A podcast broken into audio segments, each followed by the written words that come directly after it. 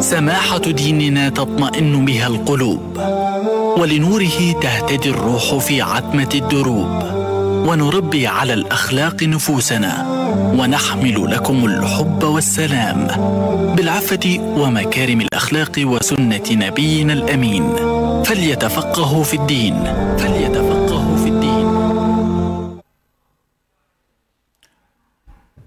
السلام عليكم ورحمة الله تعالى وبركاته.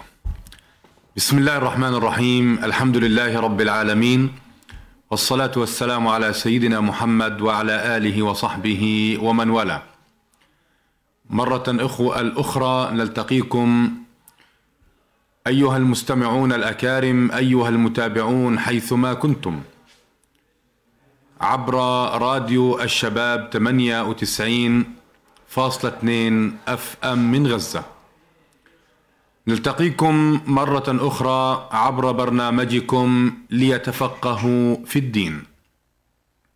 هذا البرنامج المهم الذي نسلط فيه الضوء على مزيد من القضايا الدينية والمجتمعية التي تهم الإنسان المسلم في حياته. لتكون زادا له على طريق الإيمان. لينال من خيري الدنيا والآخرة. برنامج ليتفقهوا في الدين. في هذه الحلقة الجديدة منه يسلط الضوء على شهر رمضان المبارك. فمرة أخرى نلتقي في ظلال استقبال الشهر الفضيل. هذا الضيف الحبيب العزيز الذي تهواه نفوسنا. وتحن إليه قلوبنا. في كل عام نستقبل شهر رمضان المبارك. بأعمال وأقوال تجعل في قلوبنا مزيد شوق إلى رمضان. نقف اليوم في أواخر شهر شعبان. لنبتهل إلى الله سبحانه وتعالى ونحن نقول اللهم بارك لنا فيما بقي من شعبان وبلغنا رمضان وسلمنا إلى رمضان وتسلمه منا متقبلا. قال ربنا سبحانه شهر رمضان الذي أنزل فيه القرآن هدى للناس وبينات من الهدى والفرقان فمن شهد منكم الشهر فليصمه وصدر ربنا سبحانه وتعالى الحديث عن الشهر العظيم بقوله يا أيها الذين آمنوا كتب عليكم الصيام كما كتب على الذين من قبلكم لعلكم تتقون. إنه الخطاب بالشيء الذي بيننا وبين الله سبحانه وتعالى وهو الإيمان الذي تحبه نفوسنا.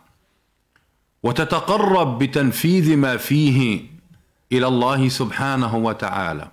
يا أيها الذين آمنوا كتب عليكم الصيام أي كتب عليكم الصيام. لستم وحدكم بل كما كتب على الذين من قبلكم. فقد صام موسى عليه السلام ثلاثين يوما وأتمها بعشر. وصام إبراهيم عليه السلام ثلاثة أيام من كل شهر. وصام زكريا عليه السلام عن الكلام ثلاث ليال. وصام داود عليه السلام كان يصوم يوما ويفطر الآخر فكان صيام داود عليه السلام هو أفضل الصيام. حتى فرض الله تعالى على هذه الأمة أمة النبي محمد صلى الله عليه وسلم صيام شهر رمضان المبارك. لماذا؟ قال لعلكم تتقون. هذا الشهر الذي يكثر خيره ويجزل الله تعالى فيه بالعطايا في الدنيا والآخرة من بركات السماوات والأرض وما يبلغ به المؤمن من معالي درجات الجنان. لهذا الشهر الفضيل تحن القلوب وإن أقوالنا وأفعالنا الظاهرة والباطنة لتعلن أننا في شوق إلى رمضان المبارك. يسعدنا أن نستضيف في هذه الحلقة المباركة من برنامجكم ليتفقهوا في الدين فضيلة الدكتور مؤمن الدالي عضو رابطة علماء فلسطين لنتحدث في عديد المحاور. لكي نتطلع على واقع فرضية شهر رمضان المبارك والتدرج في هذا الأمر الإلهي وعن فضل رمضان المبارك وكيف استقبله النبي صلى الله عليه وسلم وكيف استقبله سلف الأمة بحب وشوق وشغف وما هي الأعمال التي حري بالمسلم أن يسارع بها إلى الله سبحانه وتعالى اغتناما لهذا الشهر الفضيل. حياكم الله فضيلة الدكتور مؤمن الدالي واهلا وسهلا بكم في هذه الحلقة الجديدة من البرنامج الذي يشرف باستضافتكم فيه بصورة متكررة ليتفقهوا في الدين. أهلا وسهلا بك حياكم الله. فضيلة الشيخ نحن نتحدث عن شهر رمضان المبارك ولا سيما أننا على موعد مع قدومه المبارك في بعد أسبوع إيه، تقريبا بإذن الله سبحانه وتعالى. ونحن في الأيام الفاضلة من هذا الشهر الذي يسمى شهر السقيا. فقد قال السلف إن شهر رجب هو شهر الزرع وشهر شعبان هو شهر السقيا. ونحن على موعد مع رمضان شهر الحصاد. بإذن الله سبحانه وتعالى. ولا شك أن شهر رمضان له منزلة عظيمة جدا حاضرة في كتاب الله سبحانه وتعالى وفي أحاديث النبي صلى الله عليه وسلم. لو أطلعتنا فضيلة الشيخ على فرضية الصيام ابتداء ابتداء في شهر رمضان المبارك.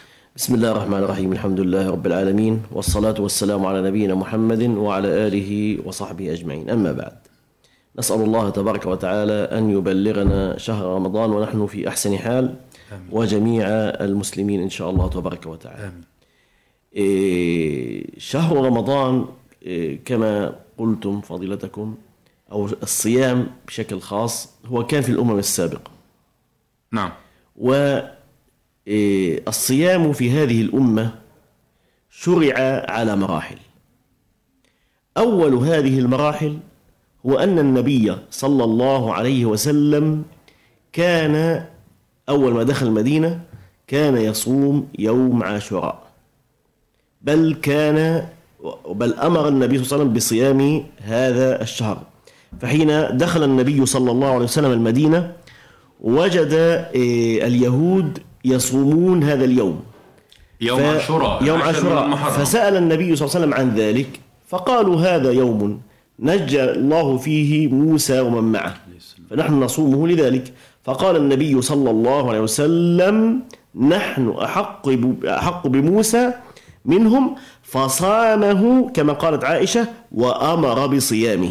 يعني أول آه، فرض صيام على الأمة لم يكن رمضان إنما أول- كان يوم أول صيام- العاشر من المحرم. أول صيام كان في هذه الأمة هو صوم العاشر من محرم. نعم. وبعض أهل العلم ذهب إلى أن هذا اليوم كان كان يوما واجبا صيامه. بعض نعم. أهل العلم قال أنه كان واجبا. وهذا دليل حديث النبي صلى الله عليه وسلم فصامه وأمر قالت, بصيامه. قالت وأمر بالصيام آه صحيح. أمر. كثير من العلم قالوا أن أن هذا كان واجبا نعم. في أول الأمر. ثم إيه، شرع الصيام صيام شهر رمضان شرع على ثلاث مراحل. المرحلة الأولى وهي أن الصيام كان بالاختيار بين أن يصوم العبد وبين أن يفتدي. نعم. أنت واجب عليك واحد من اثنين. إما الصوم نعم. وإما الفدية حتى لو كنت يعني معافى سليما. هذا كان في إيش؟ في أول مشروعية صيام. المرحلة الأولى. آه شهر رمضان. ثم طبعا طبعا كان موجود ولكن الصيام كان يحبب له أكثر. من الصوم كان- معدودات. آه. فمن كان منكم مريضا أو على سفر فعدة من أيام أخر وعلى آه، الذين في- في الآية يطيقونه آه. فدية طعام الآن بعض المفسرين. قالوا يطيقونه يعني يستطيعونه يستطيعونه آه بعض نعم. المفسرين قال هذا الكلام وعليه ذهبوا إلى موضوع آه، أنه كان. على الخيار آه وكثير من العلم ذهب لذلك نعم. الأمر ثم كان التحتيم وبال- هو في الآية التي بعدها شهر رمضان الذي أنزل فيه القرآن هدى للناس وبينات من الهدى والفرقان فمن شهد منكم الشهر فليصمه فأصبح إيش نهى للإلزام الخيار. هذه المرحلة الثانية في رمضان ذاته المرحلة الثالثة في شهر رمضان ذاته أن الصحابة رضي الله عنهم في بادئ الأمر كانوا لما كانوا يصومون النهار فإذا ناموا من الليل ثم استيقظوا في الليل فليس لهم إيش؟ أن يأكلوا أو يشربوا. أن يأكلوا أو يش- يشربوا أو يقتربوا من نسائهم. نعم. ثم الله سبحانه وتعالى خفف عنهم اليوم و... أحل آه لكم. فجعل جعل ذلك يعني من الخيط الأبيض إلى الخيط فإذا إيه، طبيعة صيام شهر رمضان هي طبيعة في تدريج. وهذا طبعا معروف في الأحكام الشرعية. كثير من الأحكام الشريعة إنما شرعت بالتدريج تخفيفا عن العباد ورأفة بالعباد ورحمة بهم حتى إيه، يتعودوا على ذلك. طيب فضيلة الشيخ الآن جميل جدا. أنه إحنا الآن أصلنا على مشروعية ال- الصيام في شهر رمضان المبارك. وكيف تجر تدرج الأمر الإلهي حتى أصبحنا آه، على الواقع الذي نحياه اليوم فمن شهد منكم الشهر فليصم. صيام رمضان حتى ننتقل من مربع ال- العادة إلى العبادة. الإنسان حينما يدرك حقيقة الشيء واقع الشيء الأثر المترتب على فعل الشيء أو إيه، قوله فإنه لا شك إذا كان أمرا حسنا فإنه يقدم عليه بشغف وحب إيه، ونشاط. إيه، وأما إن كان في الأمر السيء فإنه لا شك أنه يعني يحكم عقله وتفتر قواه عن أن يقول أو يفعل إيه، السيء. رمضان شهر الخير. فماذا إيه، من بعض الأحاديث أو الآيات القرآنية التي وردت في سياق فضل رمضان؟ إيه، لقد وردت الكثير من الأحاديث الصحيحة. عن النبي صلى الله عليه وسلم صلى الله عليه وسلم. في فضل هذا الشهر وفي فضله وفضل أوله وفضل كل ليلة فيه. حتى قال النبي صلى الله عليه وسلم فيما رواه أنس رضي الله عنه هذا شهر رمضان جاءكم تفتح فيه أبواب الجنة وتغلق فيه أبواب النار وتسلسل الشياطين. في رواية أخرى أن النبي صلى الله عليه وسلم قال إذا كان أول ليلة من شهر رمضان صفدت الشياطين ومردت الجن وغلقت أبواب النار فلم يفتح منها باب. وفتحت وفي رواية فتحت نعم. أبواب الجنة فلم يغلق منها باب. استمع لهذه. وينادي, وينادي مناد كل ليلة يا باغي الخير أقبل. ويا باغي الشر أقصر فقط لا. وقال ولله عتقاء من النار وذلك في كل, كل ليلة. ليلة.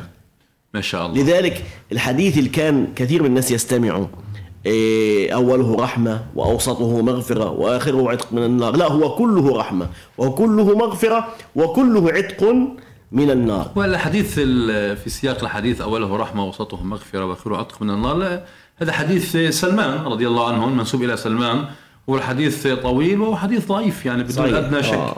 نعم فكما تفضلتم رمضان كله رحمة وكله مغفرة وكله عتق من من النيران النيران في حديث النبي صلى الله عليه وسلم يعني إذا جاء رمضان إيه، فتحت أو فتحت أبواب الجنة وغلقت أو أغلقت أبواب إيه، النيران وصفدت الشياطين طب إيه، الشياطين وفي وفي رواية غلت بمعنى سلسلت وقيدت طب إيه، فضيلة الشيخ كيف نوفق بين هذا القول النبوي وبين أن بعض الناس لا زالوا يرتكبون المعاصي في شهر رمضان المبارك؟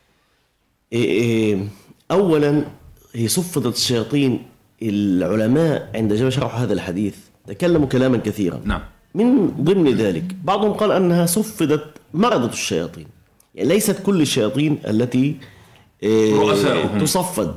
وبعضهم قال أن صفدت الشياطين أن يضعف تأثيرها لأن الإنسان يعني غالبا يعني آه، الصيام هو يعني يعني ضبط وكبح للشهوات. نعم. وغالب غالب المعاصي تأتي من من خلف الشهوات. فبعضهم قال إنه صفدت الشياطين يعني إيش؟ أضعف تحركها. تأثيرها. أضع- أضعف تأثيرها. نعم. وكلام كثير لأهل العلم في معنى حديث النبي صلى الله عليه وسلم صفد بعضهم قال صفدت الشياطين هي الشياطين غير الشياطين القرينة للإنسان. نعم. القرين الإنسان لا يصفد. يعني لم يعني لم يستطع أحد أن أن يصفد أو يتأك يعني أن يسيطر على شيطانه إلا النبي صلى الله, صلى الله عليه عليه وسلم. وسلم. فشيطان الإنسان اللي بيكون معه بوسوس له هذا لا يصفد. والله أعلم. يعني كثير من الكلام لكن ليس معناه أنه لا يوجد هناك. وأيضا هذا في اختبار للنفس البشرية. يعني أنت هل نعم. أنت هل هو الشيطان فقط؟ إيه، المشكلة في وقوعك في الذنوب والمعاصي والأخطاء قد يكون نفس قد تكون نفسك الأمارة بالسوء. نسأل الله العافية والسلام. آمين. في حديث النبي صلى الله عليه وسلم الصحيح حديث أبي هريرة أن الله سبحانه وتعالى قال في الحديث القدسي كل عمل ابن آدم له إلا الصيام فإنه لي وأنا أجزي به. والصيام جنة هذا تكملة النبي صلى الله عليه وسلم. والصيام جنة فإذا كان يوم صوم أحدكم فلا يرفث ولا يفسق فان سابه أحد أو شتمه فليقل إني امرؤ صائم إني امرؤ صائم والذي نفس محمد بيده لخلوف فم الصائم أطيب عند الله من ريح المسك وللصائم فرحتان يفرحهما إذا أفطر فرح بفطره وإذا لقي ربه فرح بصومه. تخصيص الصيام. قال الله تعالى إلا الصيام فإنه لي وأنا أجزي به. سبحان الله هذا الحديث يعني فيه دلالة عظيمة أن الله تبارك وتعالى إذا أخفى أجرا. أخفى أجر معين فهذا دليل أن هذا الأجر عظيم. عظيم. يعني سبحان الله لما يأتيك غني وجواد وكريم ويقول أمرك عندي. نعم. فماذا تظن به؟ خيرا. لا تظن به إلا أنه سيكرمك. فالله سبحانه وتعالى هو أكرم الأكرمين. قال الصوم لي فيه معنيان. المعنى الأول الصوم لي يعني لابد للعبد أن يخلص الصيام لله تبارك وتعالى. وغالبا طبعا الصيام هذا يعني عبادة خفية لأنها غالب العبادات هي فعل وهذه العبادة إيش؟ عبادة ترك. ابن عباس رضي الله عنه قال في قول الله تبارك وتعالى إنما يوفى الصابرون أجرهم بغير حساب. قال الصابرون هم الصائمون. نعم. لماذا قال ذلك؟ لأن الصيام والصبر يلتقيان في معنى واحد جميل ما هو هذا المعنى الواحد؟ أن الله أخفى أجر الصائمين وأخفى أجر الصابرين فابن عباس ربط وقال لك أخص خصائص الصبر تتمثل إيش؟ في الصيام ألا ترى فضيلة الشيخ أنه الحديث عن ربط الصيام بالصبر إيه، هو أن الصيام والصبر يحتاجان إلى عزيمة يحتاجان صحيح. إلى قوة إرادة يحتاجان إلى بذل إيه، جهد إيه، في تعب أصل رمضان لماذا سمي رمضان إلا من الرمض وهو يعني كثرة الحر وما إلى صحيح. ذلك إيه، حتى في قول الله سبحانه وتعالى كتب عليكم الصيام لو جئنا في سياق القرآن الكريم نتحدث عن عن كلمة كتب بمعنى فرض. نجدها في ثلاثة مواضع. كتب عليكم الصيام كتب عليكم ال- ال- القتال وهذا أيضا الثابت. كتب عليكم القصاص. صحيح. فهذه الأمور الثلاثة تحتاج إلى عزيمة تحتاج إلى قوة إيمان. لأنه الصائم يعني ربما آه، يعني لو أراد أن يشرب أو يأكل ولم يره أحد لفعل ذلك. صحيح. ولهذا يعني كان هو صابر على على شهوة ال- البطن إيه، والفرج من خلال صدق الصيام. حتى في قول الله سبحانه وتعالى إلا الصيام كل عمل ابن آدم له إلا الصيام. فإنه إيه، لي وأنا أجزي به. حتى العلماء فصلوا فضيلة الشيخ في هذا الموضوع. إيه، قالوا لماذا خصه الله سبحانه وتعالى؟ قالوا بعضهم قال لأن الصائم قد تخلق ببعض صفات الرب سبحانه وتعالى. ولله المثل الأعلى. لا شك أن الموضوع لفظي يعني. إيه، مشابهة لفظية. فالله سبحانه وتعالى لا يأكل ولا يشرب ولا يجامع سبحانه وتعالى. والصائم لا يأكل ولا يشرب ولا يجامع. البعض قال خص الله سبحانه وتعالى الصيام إيه، لنفسه لأن الصائم يتصف ببعض صفات الملائكة. فهي لا تأكل ولا تشرب ولا تجامع والملائكة, والملائكة لا يعصون الله تعالى ما أمرهم ويفعلون ما يؤمرون.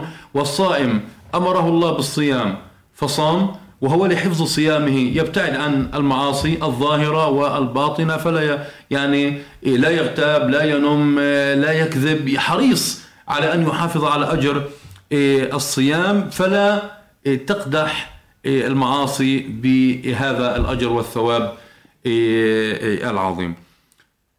إحنا بنتحدث عن شهر رمضان في فرضية الصيام بنتحدث عن ركن. حديث صحيح. ابن عمر رضي الله عنهما أن النبي صلى الله عليه وسلم قال بني الإسلام على خمس شهادة لا إله إلا الله وأن محمد رسول الله وإقام الصلاة وإيتاء الزكاة وصوم رمضان وحج البيت. لهذه المعاني العظيمة التي تتجلى في شهر رمضان المبارك. لو شوقنا أنفسنا بما فعل النبي صلى الله عليه وسلم وبشر من قدوم شهر رمضان المبارك وكيف تعامل سلف الأمة مع قدوم رمضان واستقباله. لقد كان يدعو النبي صلى الله عليه وسلم ربه تبارك وتعالى أن يبلغه شهر رمضان. ما شاء الله جميل. ففي الحديث الذي رواه أحمد والطبراني وغيرهما أن النبي صلى الله عليه وسلم كان يدعو فيما يروى عنه يدعو يقول اللهم بارك لنا في رجب وشعبان وبلغنا رمضان. وكان سلف هذه الأمة لما يعلمونه من رمضان أنه شهر مغفرة وشهر عتق من النار وشهر يعني النبي صلى الله عليه وسلم قال رمضان إلى رمضان مكفرات لما بينهن وشهر القرب من الله وفي ليلة القدر التي هي ألف من خير الشهر. كانوا يتشوقون تشوقا شديدا إلى هذا الشهر. حتى قال معلى ابن الفضل رحمه الله تبارك وتعالى عن السلف أنهم كانوا يدعون الله ستة أشهر أن يبلغهم رمضان. ثم يدعونه ستة أشهر بعدها أن يتقبل منهم هذا الشهر.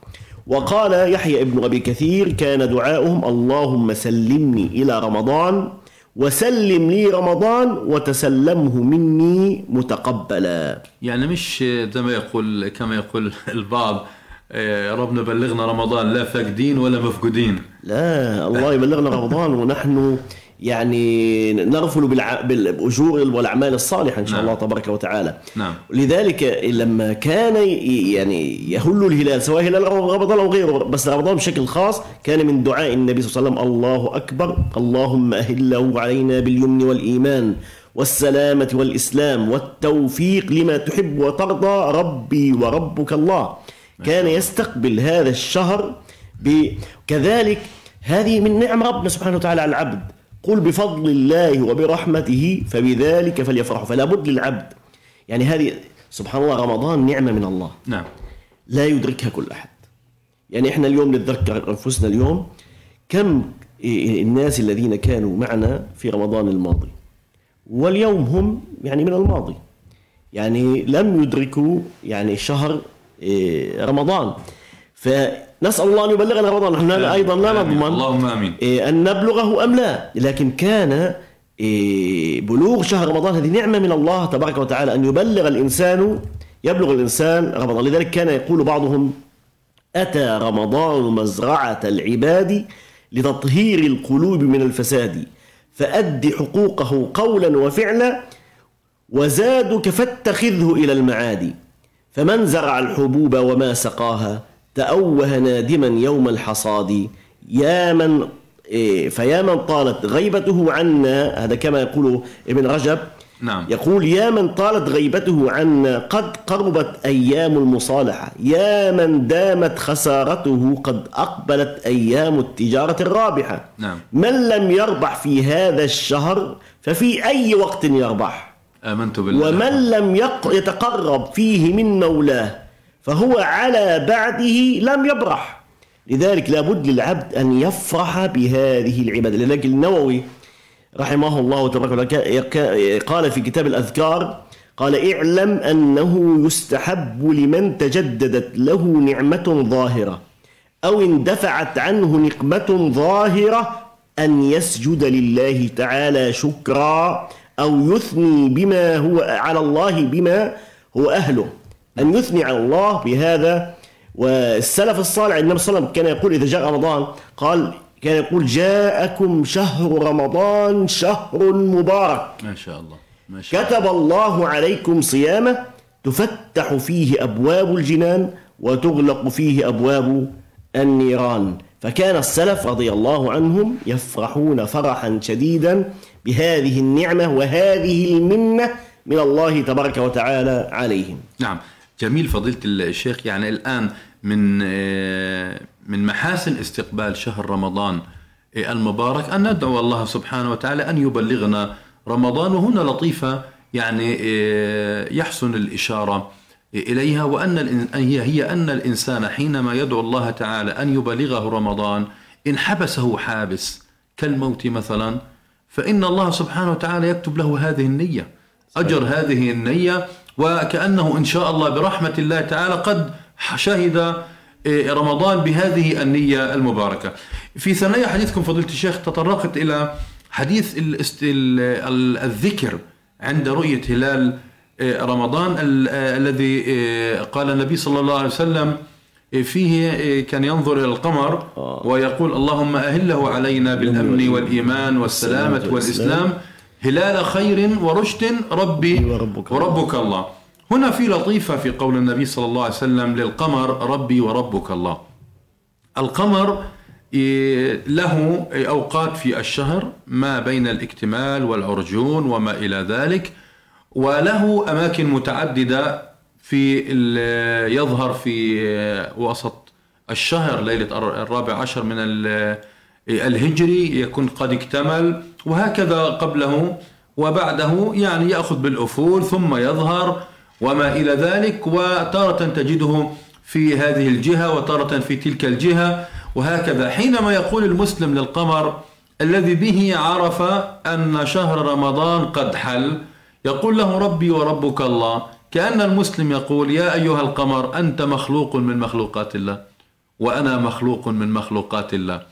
بك أرى العلاقة الوطيدة بين أهل السماء وأهل الأرض فأنا على الأرض وأنت وأنت في السماء. إذا كنت يا قمر قد التزمت بأمر الله فلا تكن في مكان إلا حيثما أمرك الله ولا تكن على هيئة إلا على الهيئة التي أرادها الله تعالى لك. فإنني يا قمر كمثلك الآن أنا في الأرض أمرني الله تعالى بالصيام فها أنا أصوم أمرني بالإفطار المغرب ها أنا أفطر. وهكذا يعني إشارة آه، لطيفة في سياق العلاقة بين الخلائق التي خلقها الله سبحانه وتعالى وأنها آه، كلها مسيرة لطاعة الله سبحانه تدل على الله. وتعالى.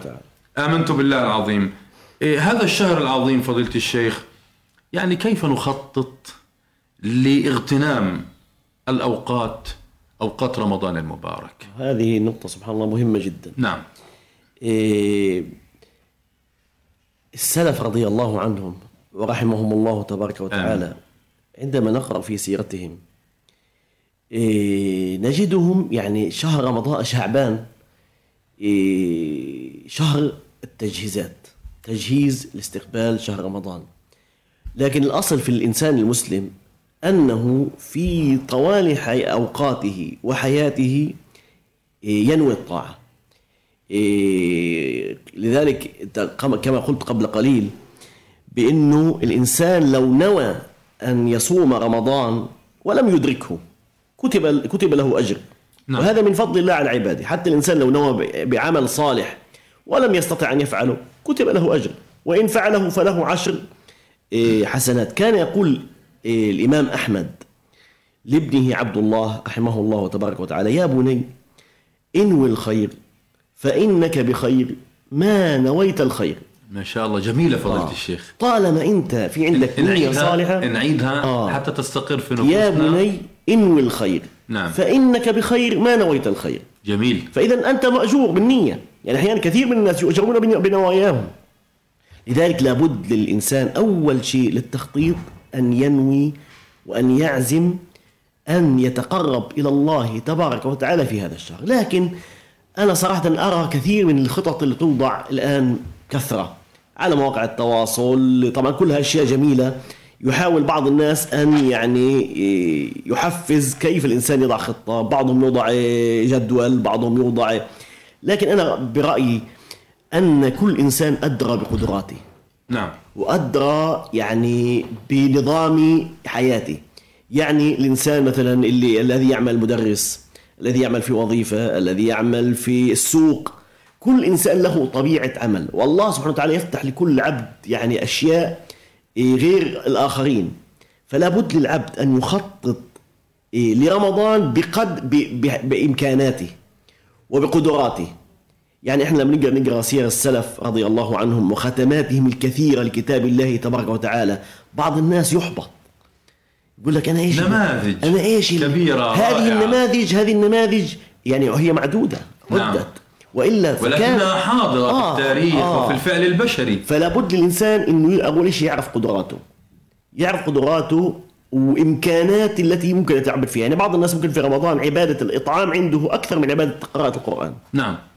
بعض الناس عنده عبادة القيام عنده أكثر من إيش؟ من عبادة الإطعام.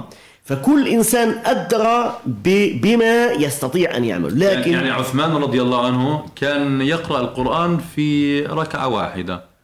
بعضهم كان يقرأ القرآن. ويختم الركعة الثانية بالإخلاص والمعوذتين. الإمام البخاري رحمه الله كان يقرأ القرآن ستين مرة. في شهر آه، آه، رمضان. هذه نماذج. هذه النماذج فالإنسان ما يقيس على حاله آه عليه الآن لكن كل إنسان بإمكاناته أدرى أدرى بقدراته. نعم. فبالتالي. إنسان آه مش كل يعني تج... جدول أو برنامج أو خطة يوضعها إنسان تصلح للجميع. نعم. فلا بد لكل إنسان أن يضع خطته حسب استطاعته وحسب إمكانياته. لكن في حد أدنى. آه لكن في نقطة مهمة جدا. نعم. ألا وهي إيه بعض الناس إيه يضع خطة لا يستطيع تنفيذها. كبيرة. يعني مثلا بده واحد واحد مش متدرب. الآن اليوم إحنا اليوم واحد لم يقرأ القرآن طوال السنة. طول السنة. ما بيقرأ القرآن إلا في رمضان. واحد القرآن ماخذ على لسانه. تجد بعض الكبار السن اليوم فعليا يستطيع أن يختم القرآن مرة وتنتين وثلاثة وأربعة وخمسة في رمضان. نعم. ليش؟ متعود. لأنه يوميا المصحف بين يديه فلا نأتي إنسان لم يكن يعني لا يقرأ القرآن في طول العام ثم في رمضان بفكر حاله بده يختم إيش؟ يختم خمس ختمات وست ختمات. هذا سيجد نفسه محبطا في نعم. النهاية. فلا بد الإنسان أن يضع خطة تتناسب مع قدراته. يعني أقل شيء أن يختم ختمة. وإحنا عندنا المقصد الأسمى من الختم, الختم هو أن يتدبر العبد القرآن. نعم. أن يفهم كلام الله تبارك وتعالى.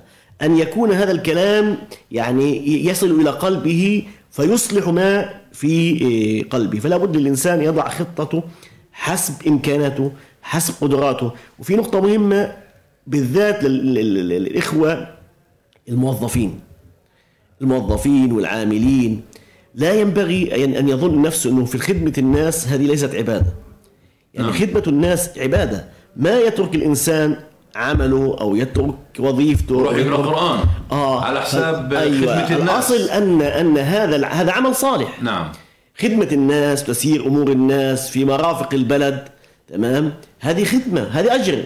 فلا بد الإنسان أن حتى الأعمال هذه أن يحتسب فيها نية وأجره بإذن الله تبارك وتعالى في رمضان مضاعف. وليس بس فقط قراءة القرآن هي عبادة عبادة جليلة قيام الليل عبادة جليلة إيه، الجود عبادة جليلة كل هذه عبادات جليلة لكن هناك أعمال واجبة. أنت تأخذ أجر على نعم. هذا هذه الأعمال. فلا بد للعبد أنا بأكد على النقطة هذه لأنه في كثير من الناس إيه، يهمل معاملات الناس لأنه بيقول لك أنا في رمضان. ولا شك أنه آثم. آه, آه طبعا. فلا. بد فلا بد للعبد يأخذ الأجرة أيوة، على لابد- العمل وليس على قراءة القرآن. أيوة، قراءة القرآن إذن- لها أوقاتها. لابد للعبد اذا كذلك التاجر في السوق. يعني جميل إنه تكون يعني أحيانا في في رمضان تجد تجار ما بيفضى يعني يقرأ القران بالطريقة اللي بيقرأها إنسان متفرغ. نعم. فبالتالي هذا ممكن عبادته تكون غض البصر.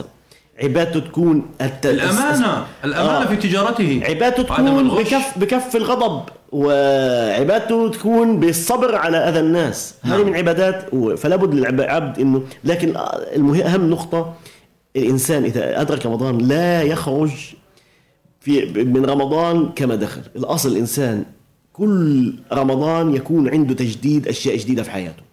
نعم. ألا يكون قبل رمضان مثل ما بعد رمضان. لابد أن يكون غير في نفسه شيء جديد حتى يكون فعليا تحصل على يعني أهداف ومقاصد صيام شهر رمضان. جميل فضيلة الدكتور. يعني تحدثت الآن عن إيه، موضوع أنه الإنسان إيه، ربما لم يتعود على إيه، تلاوة القرآن بشكل كبير أجزاء في كل يوم. هو يعني يطمح إلى أن يقرأ بكثرة أجزاء واحد واثنين وخمسة في اليوم. الواحد. في الحقيقة وأنت تتحدث في هذا السياق جال يعني في خاطري أمران. الأمر الأول متعلق بالصيام والأمر الثاني متعلق بقراءة القرآن في شهر شعبان. فشهر شعبان يسميه السلف شهر القراء. شعبان شهر القراء. حتى إن أحدهم أغلق حانوته في شهر شعبان وكان يتوجه فقط لقراءة القرآن العظيم. لماذا؟ لأنه قادم على شهر القرآن. فيريد أن يتمرن في شهر شعبان على تلاوة القرآن الكريم بكثرة حتى إذا ما حل رمضان اجتهد أكثر وأصاب من هذا الخير. هذا الأمر الأول. والأمر الثاني هو موضوع الصيام. فقد ثبت عن النبي صلى الله عليه وسلم أن أكثر شهر كان يصوم فيه شهر شعبان. والسؤال لماذا؟ لأنه إيه، تمرين وتدريب لصيام شهر إيه، رمضان الذي ما صام النبي صلى الله عليه وسلم شهرا كاملا إلا إلا رمضان. فكان يصوم كثيرا في شعبان من أجل أن يدخل على شهر الصيام وقد شعر بأنه يسير سهل بإذن الله سبحانه وتعالى. وكان السلف يقرؤون القرآن بكثرة في شعبان لأنهم قادمون على شهر القرآن العظيم فيكثرون فيه بعد هذا التمرين والتدريب. ولهذا إيه، نتطلع إلى أبرز الأعمال التي يمكن أن نؤديها في شهر رمضان المبارك. نغتنم هذا الشهر بأمهات العبادات بأعمال جليلة ممكن أن يعني تتحفنا ببعض الأمثلة على ذلك. ذكرت بعض ذكرنا بعضها في ضمن حديثنا لكن من أهم العبادات التي في رمضان. أولا قراءة القرآن. طبعا بعد الصيام الصيام هذا شيء أساسي. الصيام هو قراءة الفريضة. القرآن. لذلك قال النبي صلى الله, صلى الله عليه وسلم, وسلم قرن بين الصيام والقرآن. قال الصيام والقرآن يشفعان للعبد يوم القيامة. نعم. يقول الصيام أي رب منعته الطعام والشهوة فشفعني فيه. وهذا أيضا من فضائل صيام شهر رمضان أيضا. نعم. ويقول القرآن منعته النوم بالليل فشفعني فيه. قال فيشفعان. في رواية أو في لفظ فيشفعان. نعم. فيشفعان بالعبد. كذلك من الأعمال لذلك كان السلف رضي الله عنهم يكثرون من قراءة القرآن في رمضان. لذلك كان سفيان الثوري إذا دخل رمضان ترك جميع العبادة تمام؟ وأقبل على تلاوة القرآن. يعني عبادات النوافل يقصد طبعا. نعم. وكان الزهري إذا دخل رمضان يفر من الحديث ومجالسة أهل العلم ويقبل على تلاوة القرآن من المصحف. إيه، وقد ذكر ابن رجب عن الناس الذين يعني مراتب الناس في قراءة القرآن. قال إنما ورد النهي عن قراءة القرآن في أقل من ثلاثة ثلاثة أيام على المداومة على ذلك. فأما في الأوقات المفضلة كشهر رمضان خصوصا الليالي التي منها يطلب فيها قراءة القرآن بكثرة ويطلب فيها إيش؟ ليلة القدر. كذلك من العبادات الجليلة والعظيمة في شهر رمضان قيام الليل. فعن أبي هريرة رضي الله عنه قال قال رسول الله صلى الله عليه وسلم من قام رمضان إيمانا واحتسابا غفر له ما تقدم من ذنبه. طبعا قيام الليل أصلا سنة طول العام لكن في هذا الشهر في تحفيز لأن في صلاة صلاة قيام جماعية. وقيام الليل مدرسة كما قال بعضهم يا ليل قيامك مدرسة فيه القرآن يعلمني معنى الإخلاص فألزمه نهجا في الجنة يجلسني. كذلك من العبادات الجليلة والعظيمة في هذا إيه، هذا الشهر المبارك عبادة الدعاء. وكما قال النبي صلى الله عليه وسلم الدعاء هو العبادة. ولاحظوا في آيات الصيام لما تكلم الله تبارك وتعالى الصيام ختمها بقوله وإذا سألك عبادي عني فإني قريب أجيب دعوة الداعي إذا دعان فليستجيبوا لي وليؤمنوا بي لعلهم يرشدون. وقال إيه، النبي صلى الله عليه وسلم وقال ربكم ادعوا قال الله تبارك وتعالى وقال ربكم ادعوني أستجب لكم إن الذين يستكبرون عن عبادتي سيدخلون جهنم داخرين. ويستحب الدعاء في رمضان لأنه دعاء الصائم إيه، إيه، مستجاب في هذه الأوقات. كذلك من العبادات الاعتكاف وخاصة في الليالي الأخيرة العشر الأواخر من رمضان. فقد قال النبي صلى الله عليه وسلم فقد كان النبي صلى الله عليه وسلم يعتكف في العشر الأواخر من رمضان. وكذلك من العبادات الجليلة الجود والكرم والبذل والعطاء. سبحان الله إحنا في بلد يكثر فيها الفقراء.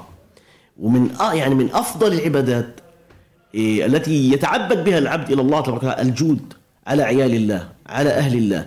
يعني لاحظوا اليوم إحنا بعض الناس تفرح لأنها تصوم وأنها يعني تبذل عبادة وهي تستطيع أن تأكل وتشرب. إيه، هناك أناس يفرحون في رمضان لأنهم يرزقون في رمضان. نعم.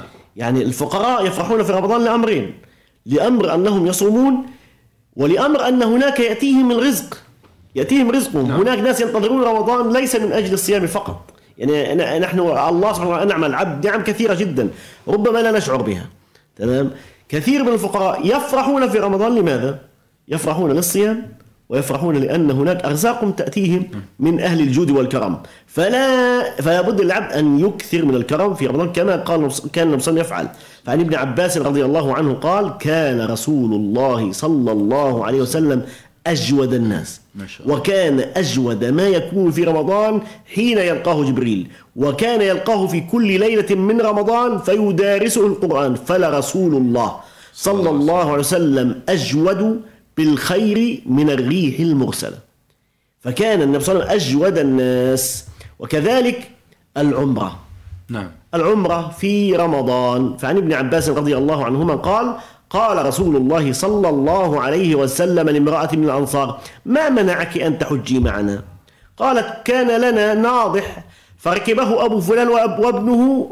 يعني كان عندهم مكان واحد أخذ الشيء اللي بنصل فيه. نعم. فقال النبي صلى الله, صلى الله عليه وسلم اعتمري فإن عمرة في رمضان كحجة. ما شاء أو كما الله. قال النبي صلى الله عليه وسلم. كذلك إيه إطعام الطعام طبعا إحنا قلنا تكلمنا عن الجود الجود موضوع آخر.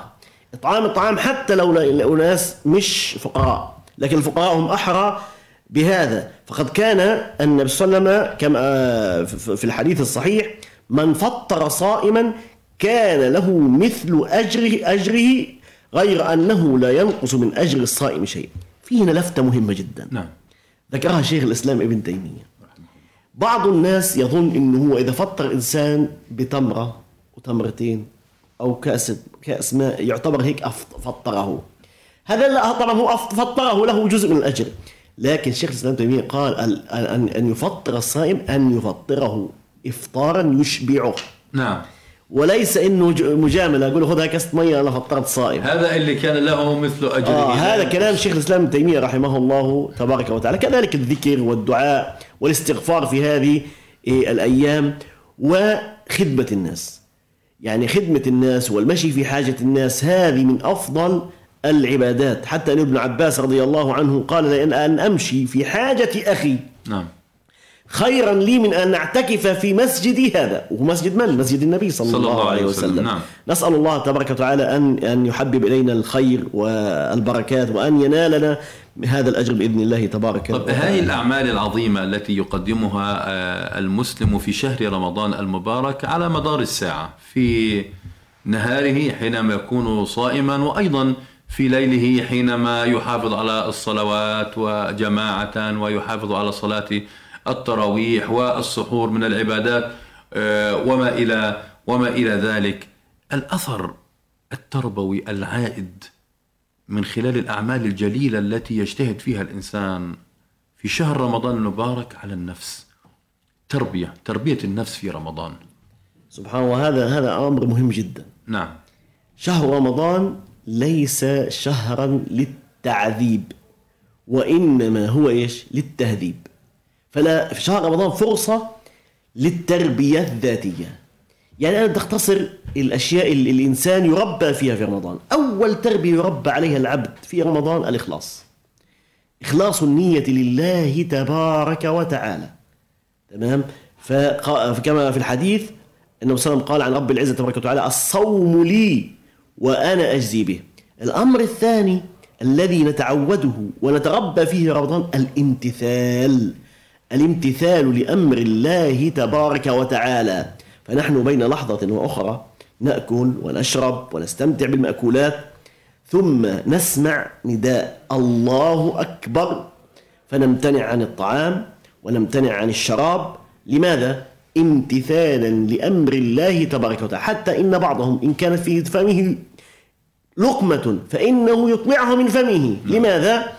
امتثالا لأمر الله تبارك وتعالى. ثم يمكث 8 9 إلى 12 إلى 15 ساعة لا يأكل ولا يشرب حتى أنه لا يبالغ في المضمضة خشية نعم. أن تدخل في جوفه خشية من الله تبارك وتعالى.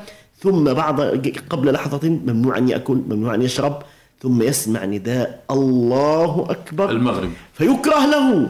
أن يبقى صائما نعم. بل عليه أن يفطر نعم. وهذا كله يعلمنا الأدب مع الله أننا لابد أن نمتثل تصور أن هذا الامتثال يكون في كل حياتنا أن نمتثل بأوامر الله تبارك وتعالى هذا الامتثال لاحظ أنه حتى بعض الناس اللي عندهم أخطاء عندهم ذنوب في رمضان الله سبحانه وتعالى يقوي عزائمهم ويمتثلون امتثالا حتى انه بعضهم يخاف تدخل شيء في جوفه نعم.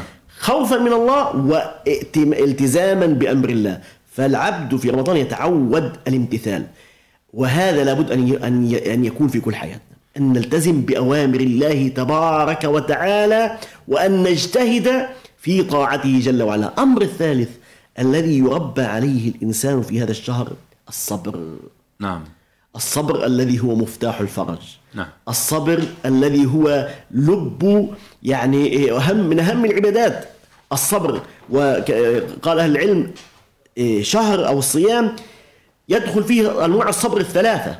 الصبر على طاعة الله والصبر عن معصية الله والصبر على أقدار الله المؤلمة. فأنت تصبر طاعة لله وتصبر على أنك لا تأكل حراما ولا تأكل حتى الطعام اللي كان حلال قبل رمضان أصبحت إيش؟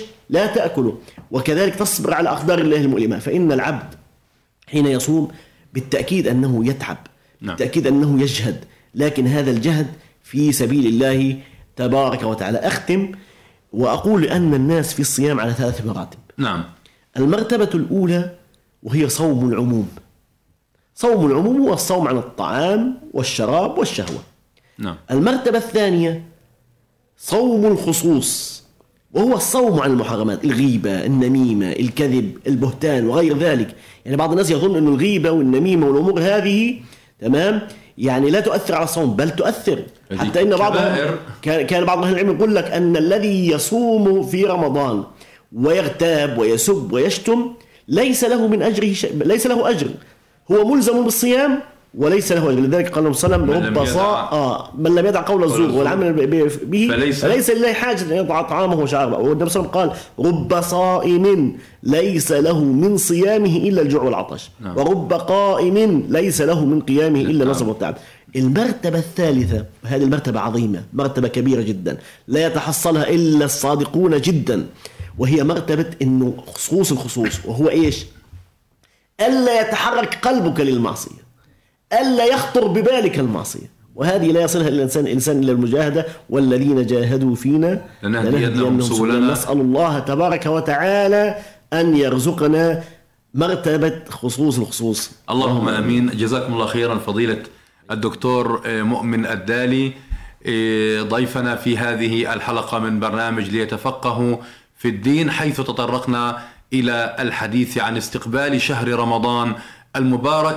هذا الضيف العظيم الكريم الجليل الذي نستقبله بحب وبشوق وبلهف من أجل أن نتنعم بأجر الله سبحانه وتعالى وحسن طاعته في هذا الشهر المبارك لكي ندخل الجنة بإذن الله سبحانه وتعالى يوم القيامة من باب الصائمين من باب الريان. إن في الجنة بابا يقال له الريان يدخل منه الصائمون فإذا دخلوا أغلق الباب. نسأل الله تعالى أن نكون منهم مستمعون ومتابعون حيثما كنتم. نشكر لكم حسن الاستماع وحسن المتابعة لهذه الحلقة من برنامجكم الأسبوعي ليتفقهوا في الدين الذي يبث عبر أثير راديو الشباب 98.2 أف أم من غزة. على أمل أن نلقاكم في الأسبوع القادم بإذن الله سبحانه وتعالى. وعاطر التحايا لكم من محدثكم الدكتور محمد كمال سالم. والسلام عليكم ورحمة الله تعالى وبركاته. سماحة ديننا تطمئن بها القلوب ولنوره تهتدي الروح في عتمة الدروب ونربي على الأخلاق نفوسنا. ونحمل لكم الحب والسلام بالعفة ومكارم الأخلاق وسنة نبينا الأمين. فليتفقهوا في الدين. فليتفقهوا